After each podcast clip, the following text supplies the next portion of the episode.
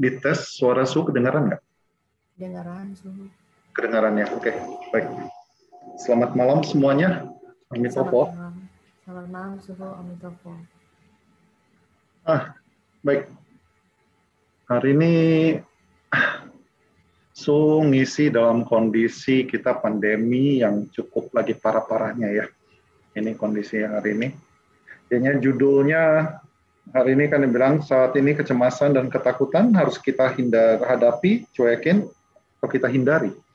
Hindari, cuekin, atau hadapi. Oke, ya. Siapa yang di sini merasa santai dalam kondisi saat ini? Tidak ada rasa cemas, tidak ada rasa takut, tidak ada rasa khawatir sama sekali. Ada nggak? Tunjuk tangan aja, tunjuk tangan aja. Di sini saya bisa lihat jadinya. Ada? Nggak ada ya? Ya, kalau bisa nyalain videonya ya, jadinya su bisa lihat interaksinya jauh lebih enak jadinya. Oke, berarti rata-rata atau atau cuek aja dengan kondisi saat ini. Gimana kira-kira? Atau malah bahagia gitu? Karena nggak perlu keluar rumah, bekerja dari rumah dan sebagainya.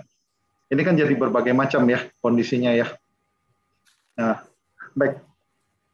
Uh, kalau kita lihat kondisi yang sekarang ini, kita berada di dalam pandemi COVID-19 gelombang kedua. Ini kita gelombang kedua saja, kita sudah luar biasa kerepotannya. Kalau nggak salah, sudah dapat berita Korea Selatan sudah mengalami gelombang keempat. Jadinya nggak tahu ini kapan mau berakhirnya. Jadinya satu-satunya kalau dipikir-pikir sama seperti awal pertama kali kalau dari Jepang mereka menganggap ini bukan ini tapi kita harus bersahabat. Jadinya lama-lama pandemi akan berusaha untuk dirubah menjadi endemik. Ya, karena kalau kita bilang hilang, kayaknya satu hal SARS ini nggak usah jauh-jauh lah. Influenza yang kita kenal 100 tahun yang lalu cukup mengerikan, beritanya mengatakan hampir setengah penduduk bumi bisa hilang. Tapi buktinya sampai sekarang juga itu menjadi satu bentuk virus influenza biasa bagi kita karena kita sudah ada obatnya. Sakit kita tinggal makan dan sebagainya. Jadinya kita hidup dengan yang namanya virus influenza dan sebagainya. Tapi sekarang untuk menghadapi SARS-2 ini atau COVID-19 ini belum ada yang kejelasan. Jadinya ini menjadikan satu bentuk kekhawatiran, kecemasan atau ketakutan pada semua orang. Karena nggak ada satu jaminan. Kalau kita perhatikan, Sang Buddha mengajarkan siklus hidup manusia itu lahir, tua, sakit, dan meninggal. Kalau dulu kan pasti berpikir, anak-anak muda kan atau usia-usia baru umur 20, umur 30 pasti akan memikirkan, ah itu masih lama lagi lah. Itu sesuatu yang jauh. Kayaknya nanti kalau ada apa-apa, itu itu masih masih di luar dari dari pikiran saya dan sebagainya. Tapi kondisi saat ini memaksa semua orang memikirkan hal tersebut. Karena kita lihat cepat sekali perubahan itu. Masuk rumah sakit, meninggal. Kalau tahun lalu kita bayangkan, kita rasakan, itu tuh masih rada jauh dari kita, virus ini. Tapi sekarang, virus ini rasanya udah dekat sekali sama kita. Benar nggak? Rasanya orang-orang terdekat yang kita kenal, yang kita tahu persis, eh contohnya kena. Yang keluarga ini kena, yang ini kena, dan ada yang meninggal, banyak lagi yang meninggal. Ya kan? Hari ini aja kalau nggak salah data Indonesia ada 35.094 orang yang terinfeksi. Ya, tapi ya cukup bagusnya yang sembuh hari ini hampir 28.500 lebih yang sembuh dan yang meninggal ada 800 lebih. Nah, kalau kita perkirakan kalau bisa ini bisa terselesaikan, dijadikan benar-benar pandemi ini jadi endemik.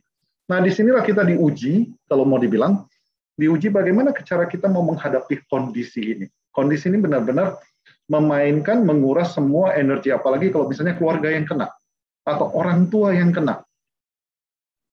Ya kan, sebagai anak serba susah untuk menghadapi hal ini.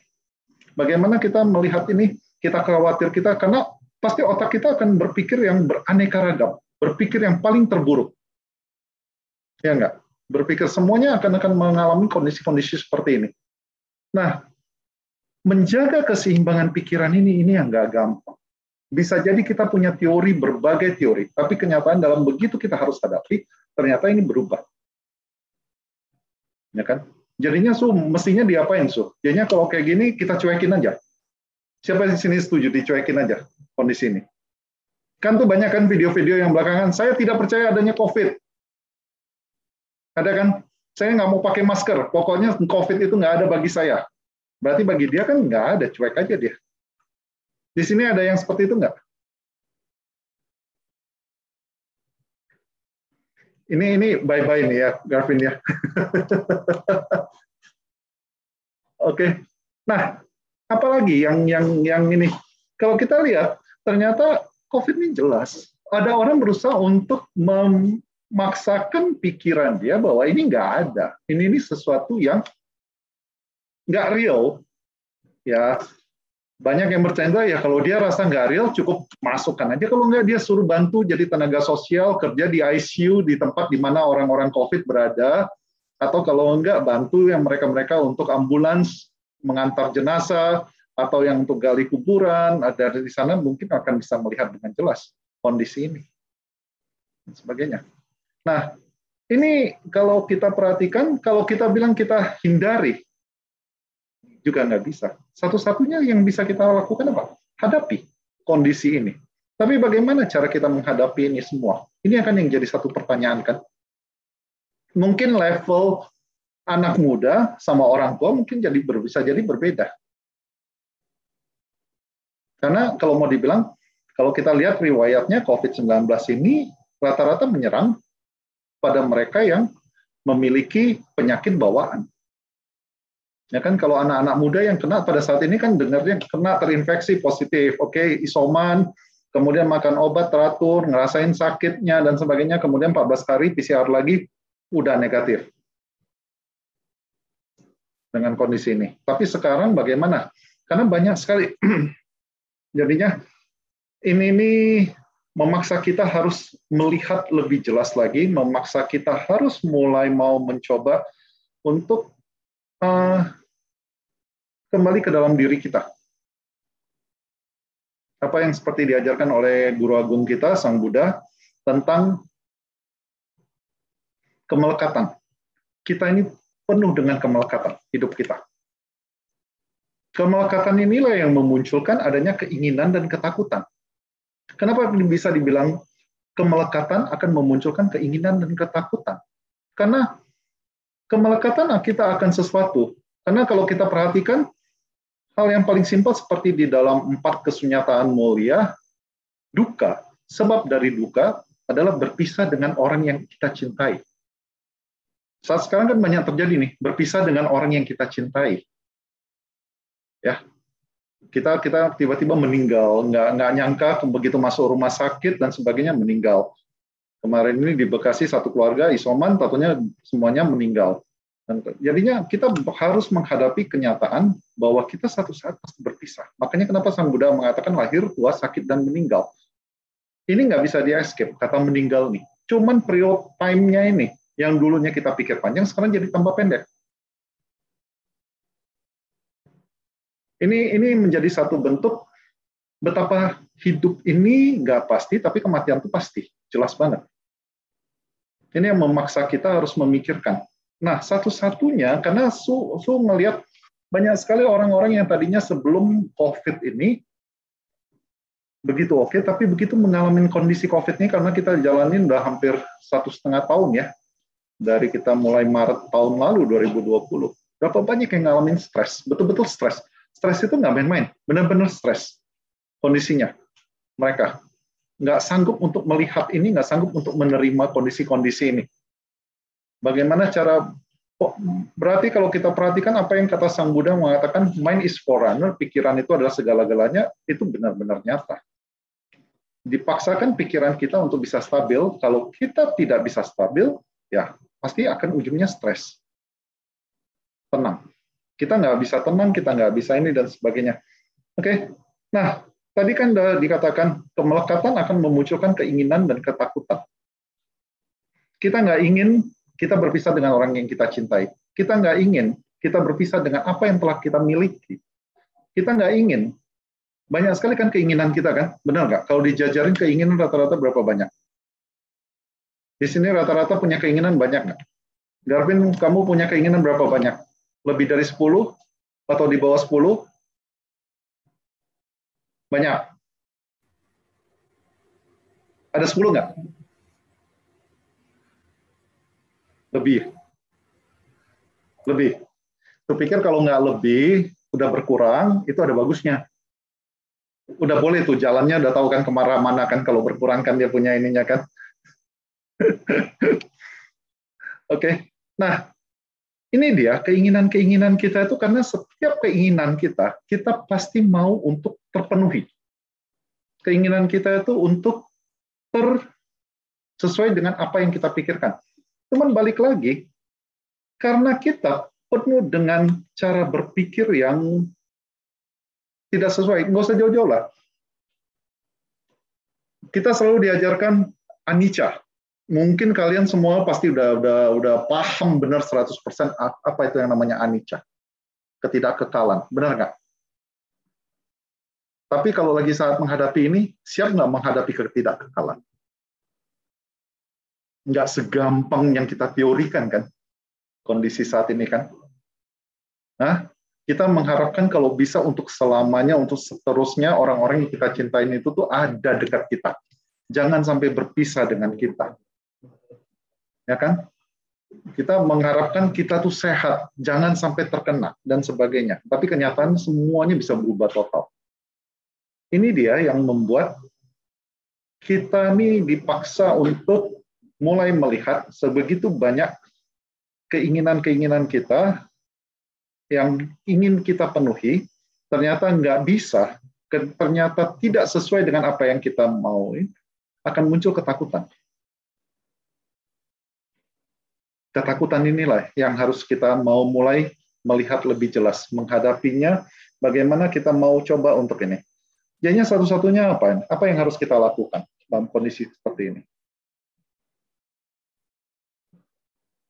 Jaga kesehatan su kalau secara umumnya benar nggak?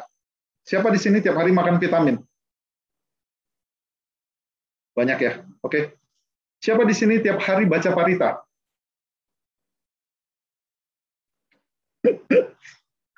Oh ketawa sebenarnya. Oh ada juga yang tunjuk tangan. Oke, okay, good, good, good. Tiap hari baca parita. Itu imun juga loh. Setuju nggak kalau saya bilang? Baca parita termasuk imun nggak? Yang Anda makan obat itu adalah imun fisik. Anda baca parita itu adalah imun psikis. Spiritual life. Ya kan? Saya baca suta. Oke, okay, great. Bagus tuh, sama dengan kondisi yang seperti ini ya kita butuh balancing kehidupan bukan lagi hanya fisikal aja tapi spiritual life kita harus kita tingkatkan. Karena mentality ini sangat diuji saat ini.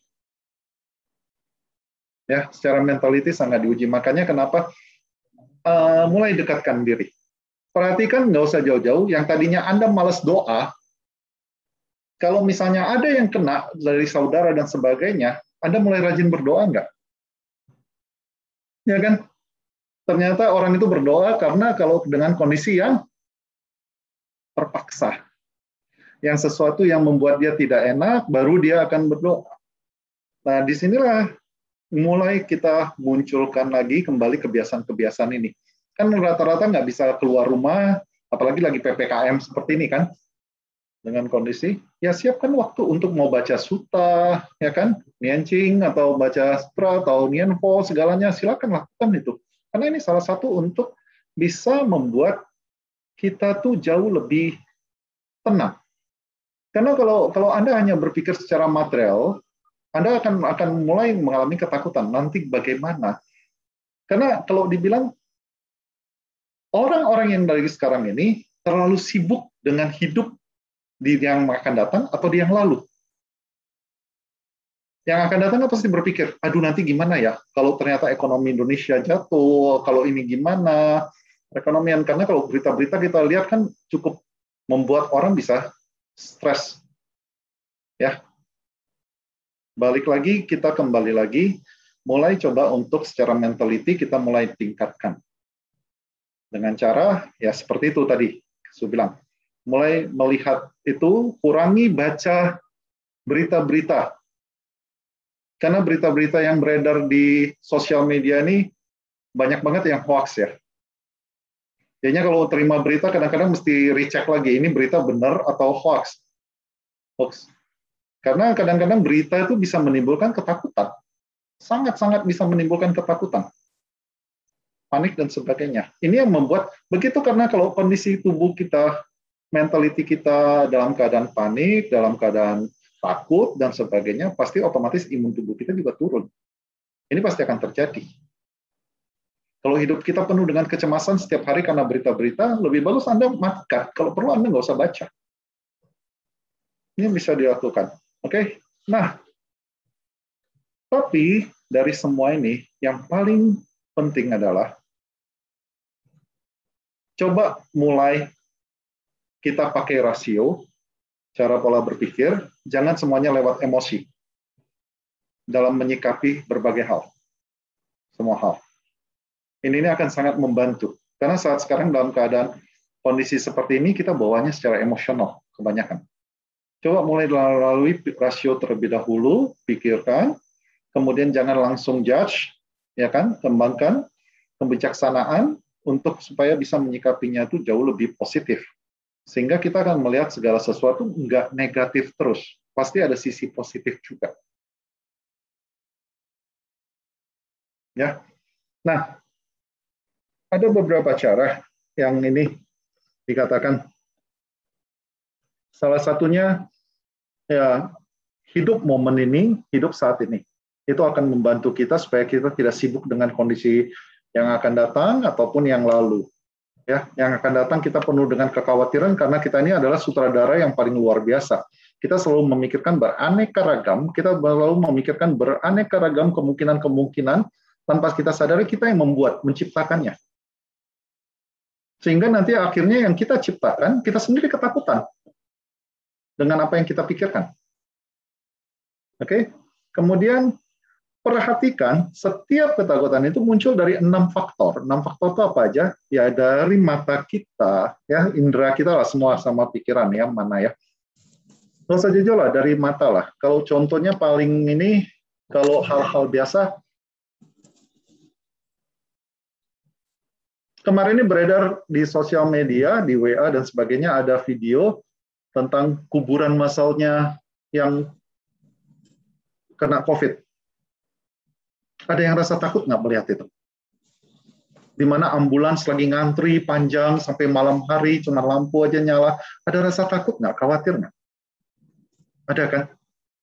Kemungkinan saya bisa nggak di salah satu itu? Ada banget, Su. Ya, ini dia. Kalau kita perhatikan, ini nih yang akan membuat kita, mata kita, telinga kita, kalau kita nggak sanggup, belum sanggup untuk menerima berita-berita seperti itu, kalau untuk sementara, stop dulu. Oke, okay? stop dulu. Kalau misalnya, kalau dulu-dulu sih orang selalu bilang, kalau misalnya malam hari di tempat yang gelap, tiba-tiba kamu lihat ada yang putih-putih, apa yang kita pikir?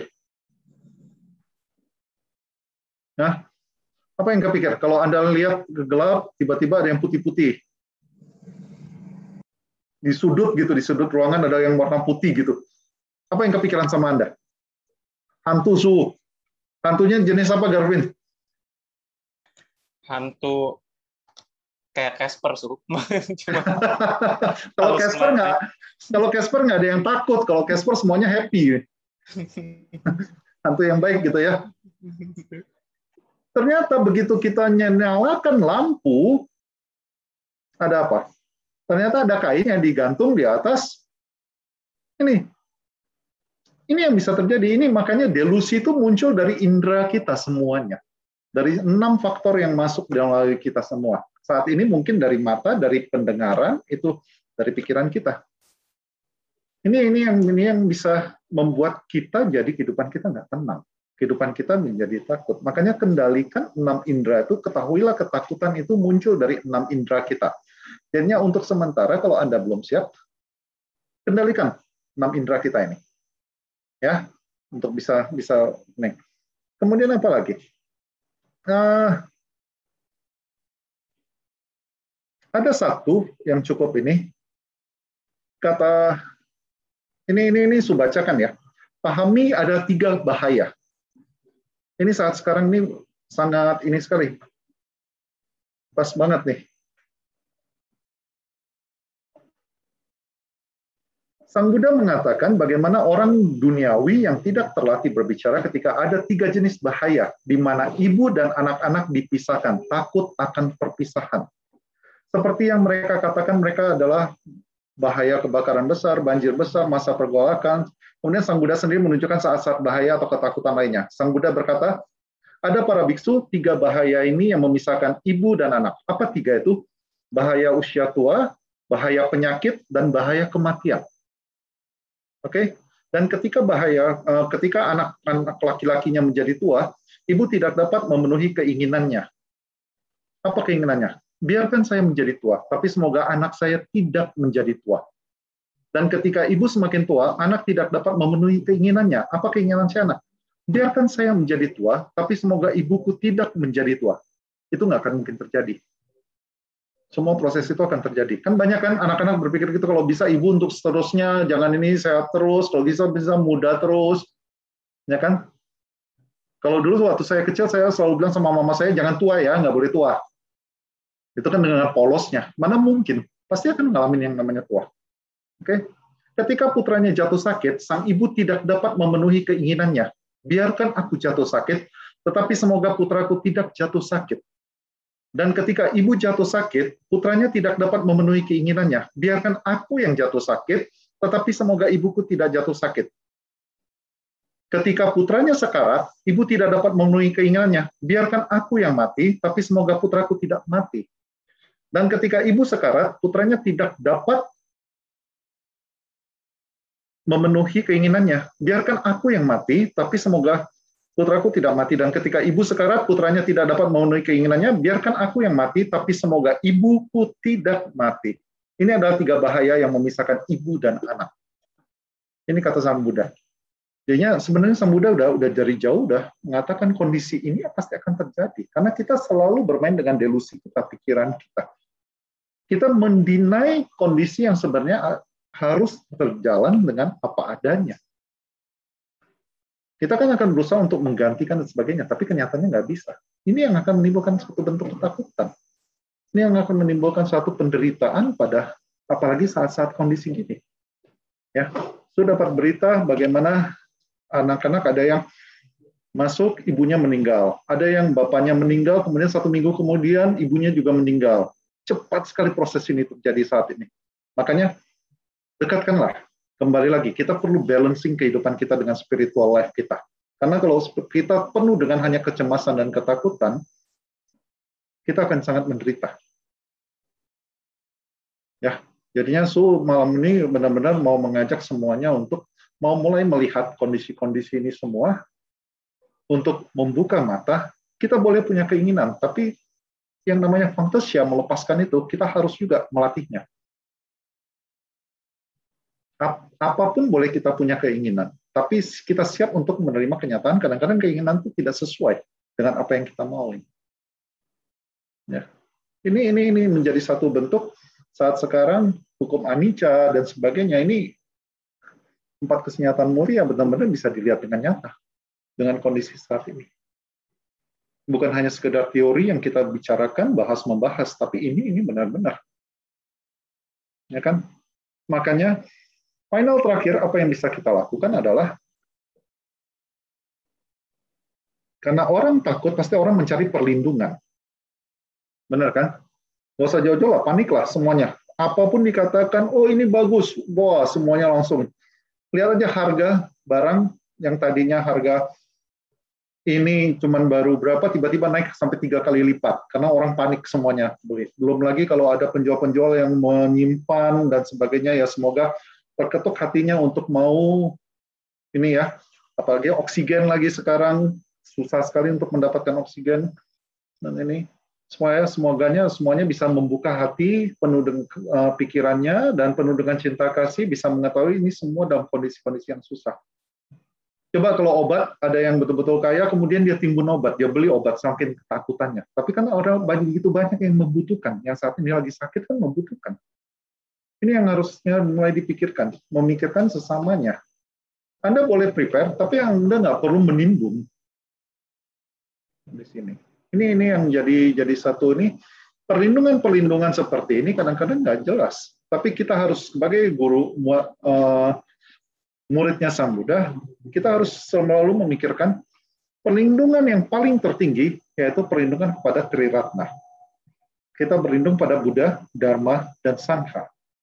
Ya, ini ini satu-satunya bentuk perlindungan yang harus kita punyai, yang kita tekankan ke mana kita. Nantinya kita akan tahu. Kita harus tahu destinasi kita berikutnya lagi ke mana. Kita tahu kita berlindungnya kepada siapa.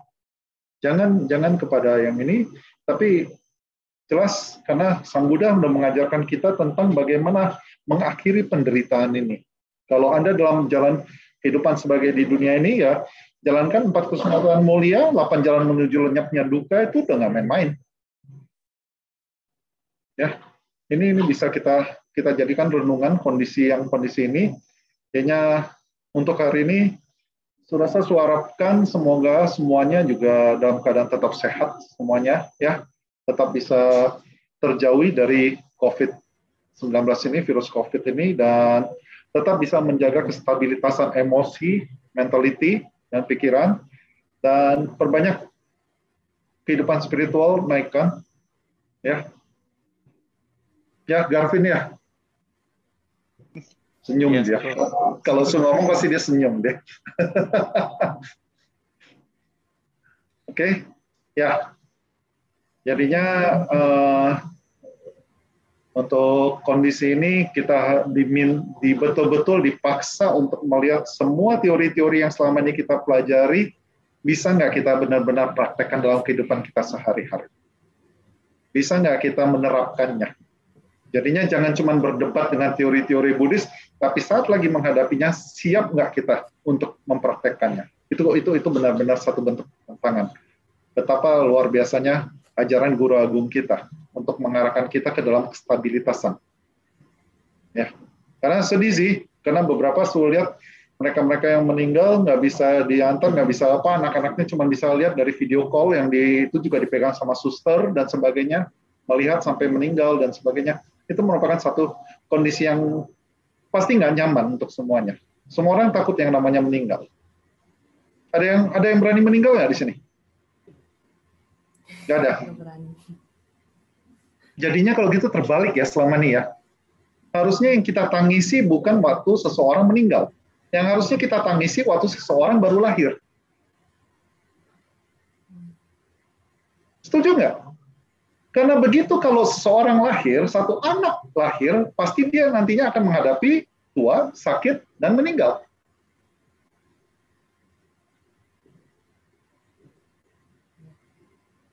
Ini yang jadi satu kondisi. Ya, oke, baik. Sampai di sini uh, mungkin ada yang mau share atau mau ngomong, nggak apa-apa. Baik, supaya kita sama-sama bisa belajar dalam kehidupan Buddha Dharma yang real, yang sebenarnya dalam praktek sehari-hari kita. Oke, okay? Amitofo. Amitofo, makasih Su Xianping.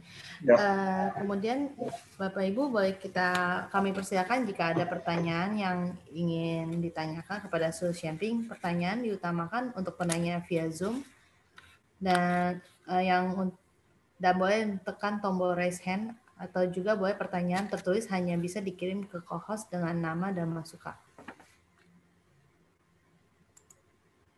Uh, Su Xianping di sini ada satu pertanyaan sudah masuk. Oke. Okay. Seringkali kita dengar yang namanya overthinking dalam konteks uh, yang bersangkutan sudah me, sudah mikirin semua aspek yang mungkin bisa terjadi, tapi jatuhnya malah dianggap overthinking. Diminta cukup fokus pada kondisi sekarang. Padahal kadang di sisi lain overthinking ini untuk preliminary assessment hal-hal yang potensi terjadi. Bagaimana menyikapi hal ini? Oke, okay. itu langsung jawab? Boleh, boleh Su. Oke, okay. Ya, Amitofo. Ini kondisi sekarang, uh, udahlah, nggak perlu takut dengan yang namanya label dan sebagainya. Tapi ya, Su bilang, kembali lagi seperti tadi, jangan terlalu over. Jangan segala sesuatu itu terlalu over. Karena kita menyiapi, oke, okay, kayak tadi kan dalam dalam COVID ini kita menyiapin misalnya obat-obatan dan sebagainya. Yang dibilang bagus kita berusaha untuk mendapatkannya dan sebagainya. Boleh nggak ada masalah. Anda menyiapkan dan sebagainya. Tapi kalau anda membelinya over karena gara-gara ketakutan paranoid yang nggak jelas ya anda anda ini ya bisa jadi itu jadi terlalu berlebihan banget. Segala sesuatu mesti pas. Ya kan? Nggak mungkin juga anda anda menimbun. Obat ini bagus tapi ya sesuai dengan dosis. Satu orang cuma boleh minum berapa banyak. Tapi kalau anda menumpuk lebih itu bukan permen. Ya kan? Sakit kepala kalau zaman dulu ada yang namanya eh, demam anak kecil dikasih buat Drexin nggak tahu sekarang masih ada nggak tuh penyakit? Itu itu obat atau panadol. Panadol bagus bagus sesuai dosis. Kalau panadol dua strip dimakan ya masuk rumah sakit juga. Ya jadinya segala sesuatu bukan apa uh, kalau saya bilang sih jauh lebih uh, kita bijaksana lah untuk melihat ini. Seberapa yang kita siapkan. Dan nggak perlu khawatir dengan label-label yang orang berikan. Selama itu masih di dalam track yang seharusnya kalau terlalu paranoid banget kalau penuh dengan ketakutan banget nanti su minta untuk konsul sama Garvin nanti Gavin ya siap ya Gavin ya siap su Oke, ada lagi yang lain? Oke, okay, nextnya suhu. Uh, banyak kenalan saya yang berduka karena kehilangan anggota keluarga. Bagaimana hendaknya kita sebagai umat Buddha memberikan penghiburan kepada mereka yang sedang berduka? Terima kasih, Suhu. Bagaimana memberi penghiburan? Yang namanya duka ya pasti duka ya. Ya, kan nggak mungkin kita ini dan sebagainya. Tapi kita yang bisa adalah kita mengajak dia melihat dari sisi kalau sebagai umat Buddha ya, kalau suhu ya terutama ya, melihat sisi itu jangan dari sisi dianya atau sisi kita misalnya. Kita melihat dari sisi yang misalnya yang udah meninggal. Apa yang dia butuhkan saat ini? Misalnya itu anaknya, anaknya lagi lagi berduka banget karena misalnya salah satu dari orang tuanya meninggal Jadinya kita bilang sama anaknya, apa ya, sebenarnya daripada kamu tangisi berkepanjangan, bohong kalau misalnya nggak sedih, pasti sedih. Itu apalagi meninggalnya dengan jarak yang cepat sekali, belum lagi sempat apa, kalau bisa lihat lebih lama kan banyak begitu banyak orang-orang orang-orang yang melihat dari salah satu anggota keluarganya, kalau bisa jangan terlalu cepat meninggalnya, sakit dulunya lebih lama. Tapi Anda mikir penderitaan dia di atas tempat tidur itu berapa lama, setiap jam yang dia lewati, setiap menit yang dia lewati, setiap detik yang dia lewati, berapa menderitanya dia. Karena tapi kadang-kadang kita ego tidak mau berpisah dengan beliau. Ya, jadinya kalau misalnya sudah meninggal, yang bisa kita bukan hiburan lah ya, tapi bukan penghiburan lah ya, tapi lebih ke arah mengajak dia untuk melihat dari sisi yang berbeda. Sisi apa itu? Kalau Anda mau melakukan kebajikan untuk memberikan yang paling terbaik untuk orang tua Anda, atau mama Anda, papa Anda, dan sebagainya, Ya, apa yang bisa Anda lakukan? Kalau bisa kondisi selama 49 hari ini kalau terus terang kalau di Mahayana tantra pasti ada kita ada 49 hari. Kondisi ini Anda harus lakukannya dengan cara berbagai banyak. Yang seperti misalnya melakukan kebajikan, mengatasnamakan beliau, memberikan kepada panti asuhan, panti jopo, mencetak buku parita dan sebagainya atas nama beliau melimpahkan jasa kepadanya. Setiap hari yang tadinya Anda nggak pernah lakukan apa-apa, mulai coba baca Genshin, Yamking misalnya atau apa, baca Omnitoching dan sebagainya, berikan. Kemudian setelah itu Anda limpahkan jasa kepada orang tua Anda. Itu jauh lebih berguna daripada Anda nangis, nangis, meratapi terus, terus, terus. Itu akan jauh lebih bermanfaat. Kemudian kurangi, bukannya bilang kejam, tapi kurangi kesedihan. Karena apa? Itu akan sangat membantu kepada orang tua yang sudah meninggal atau mamanya atau papanya untuk dapat pergi dengan tenang kondisi ini. Sehingga dia sudah siap untuk berpisah dan dia berterima kasih karena sempat pernah jadi anak dari beliau dan kalau ada jodoh ya bisa ketemu lagi mungkin di kelahiran berikutnya dan sebagainya dengan kondisi ini. Jadinya hal-hal yang lebih positif yang kita arahkan untuk melihat apa kondisi apa yang sebaiknya yang dia lakukan saat ini untuk berikutnya, bukan hanya meratapi sedih sampai terakhir kali nanti bisa depresi. Kalau misalnya dia nggak sanggup, ini kan nggak menyelesaikan masalah. Kadang-kadang ya su, kadang-kadang suka mengatakan kepada anaknya tersebut untuk melatih. Ya kamu lakukan vegetarian 40 selama 49 hari ini sehingga tidak ada proses pembunuhan di sana di rumah dan sebagainya itu juga bisa anda lakukan. Jadinya sebarkan semua kebajikan. Jadinya perbuatan apa pun yang anda lakukan dalam hari ini setiap malam Anda mungkin ada duduk sebelum Anda tidur, ya saya limpahkan jasa kebajikan yang saya lakukan dalam selama satu hari ini kepada mama saya atau papa saya. Itu akan jauh lebih berguna. Ya, ya. sudah saya cukup untuk ini. Ya, ya Toko. Amin. Uh, bagi Bapak Ibu, ada yang mau bertanya secara lisan atau ada yang mau sharing, kami persilakan. Boleh pencet tombol raise hand. Jika belum ada, uh, di sini ada satu lagi pertanyaan suhu. Pikir bila, nggak, bila bila sudah tidak ada, maka kita selesaikan. Masih ada tuh lagi. kalau kalau udah kayak gini cepat deh, rasanya muncul lah pertanyaan lagi nanti. Iya. Oke. Okay.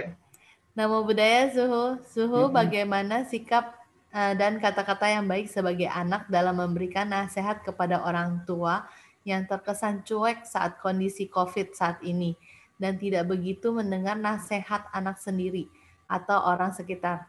Karena hal ini membuat saya sedikit stres dan cenderung ada perubahan emosional. Mohon pencerahannya suhu, terima kasih. Oke, saya akan memberikan pencerahan. Sekarang lampu LED murah. Anda butuh berapa watt? Saya akan akan sorotkan. Anda akan tercerahkan dengan baik. Oke. Ah, Orang tua suka bilang anak keras kepala, nggak mau dengar cakap. Dibilangin susah, bebolnya minta ampun dan sebagainya.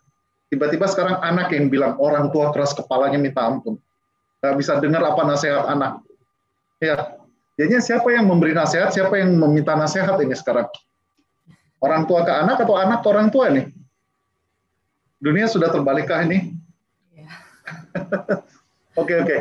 so tahu, so paham banget apa yang anda anda anda pikirkan. Pasti anda sayang sekali sama orang tua anda. Anda kepingin misalnya nggak usah jauh-jauh lah, pakai masker misalnya.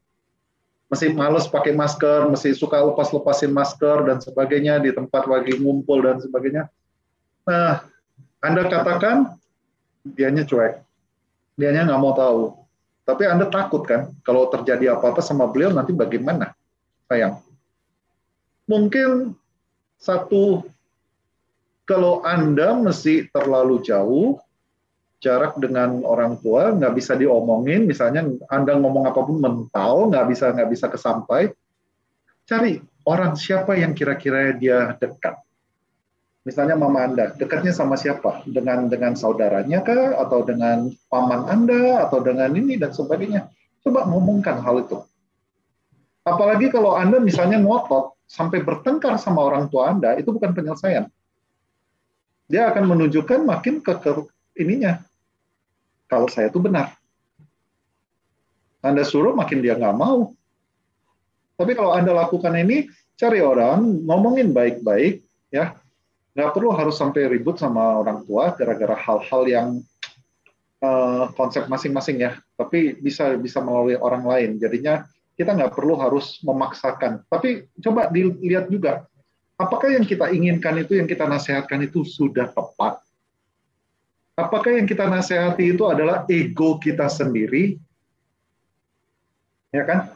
Apakah yang kita nasihati itu benar-benar berguna untuk orang tua kita? Atau hanya untuk menguntungkan kita?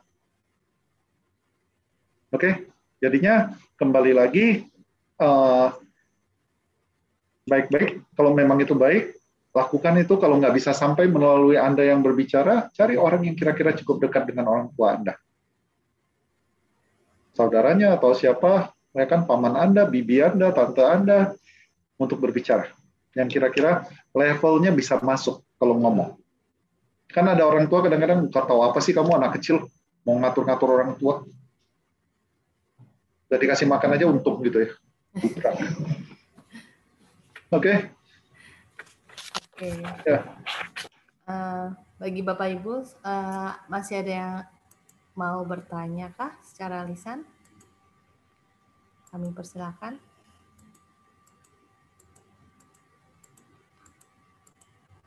Sudah tidak ada. Asik. Oke. Okay. Uh,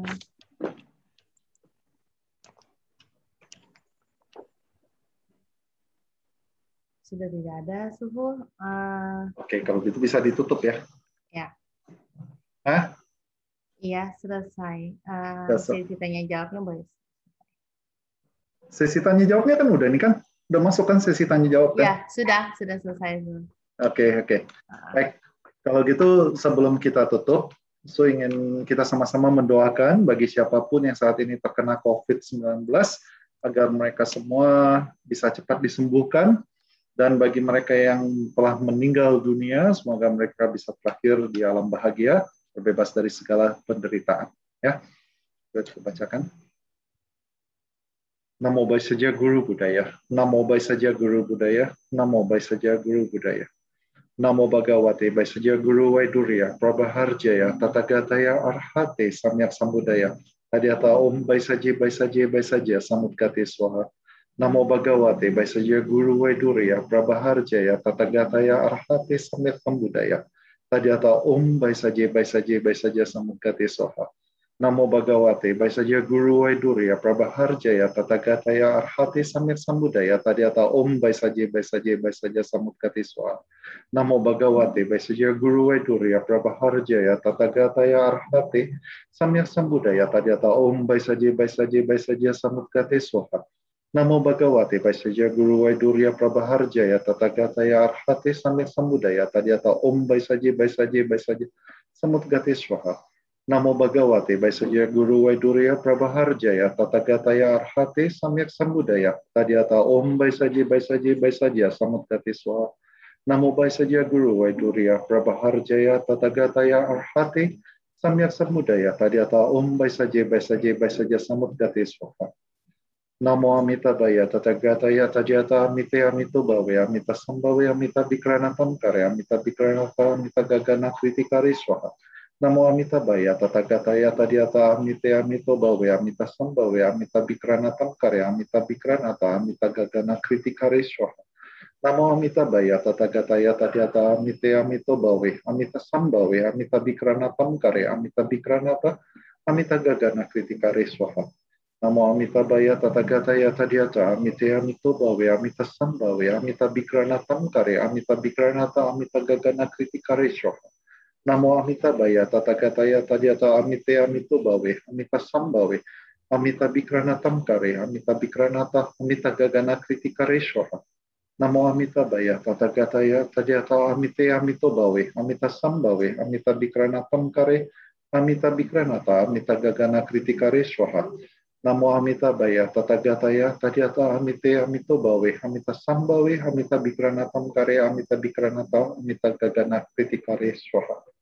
Tadiata Om Gatikate Paragate Parasamgate Bodhiswaha Tadiata Om Gatikate Paragate Parasamgate Bodhiswaha Tadiata Om Gatikate Paragate Parasamgate Bodhiswaha Semoga kondisi pada saat ini pandemi COVID-19 ini, di mana banyak yang masih mengalami terinfeksi virus COVID ini, agar dapat sembuh, sehat, dan kemudian bisa beraktivitas kembali. Dan bagi mereka yang telah meninggal dunia, agar dapat terlahir Sukawati dengan kondisi di mana mereka dapat melepaskan kemelekatan-kemelekatan mereka. Kami juga mendoakan agar pandemi COVID ini bisa berubah menjadi, menjadi endemik sehingga membuat kehidupan manusia di muka bumi ini, khususnya di Indonesia, bisa kembali dalam kondisi kondusif. Semoga semua makhluk, baik itu yang terlihat maupun tidak terlihat, berwujud maupun tidak berwujud, dapat terbebas dari segala jenis penderitaan. Amin Amin. Kami segenap keluarga Wihara Puri Dharma Suka dan para umat yang telah hadir mengucapkan terima kasih kepada Su Xianping atas waktu dan kesempatannya dalam membarukan Dharma pada hari ini. Jika Su Xianping ingin meninggalkan ruangan terlebih dahulu, kami persilakan. Oke, okay. Amin Amin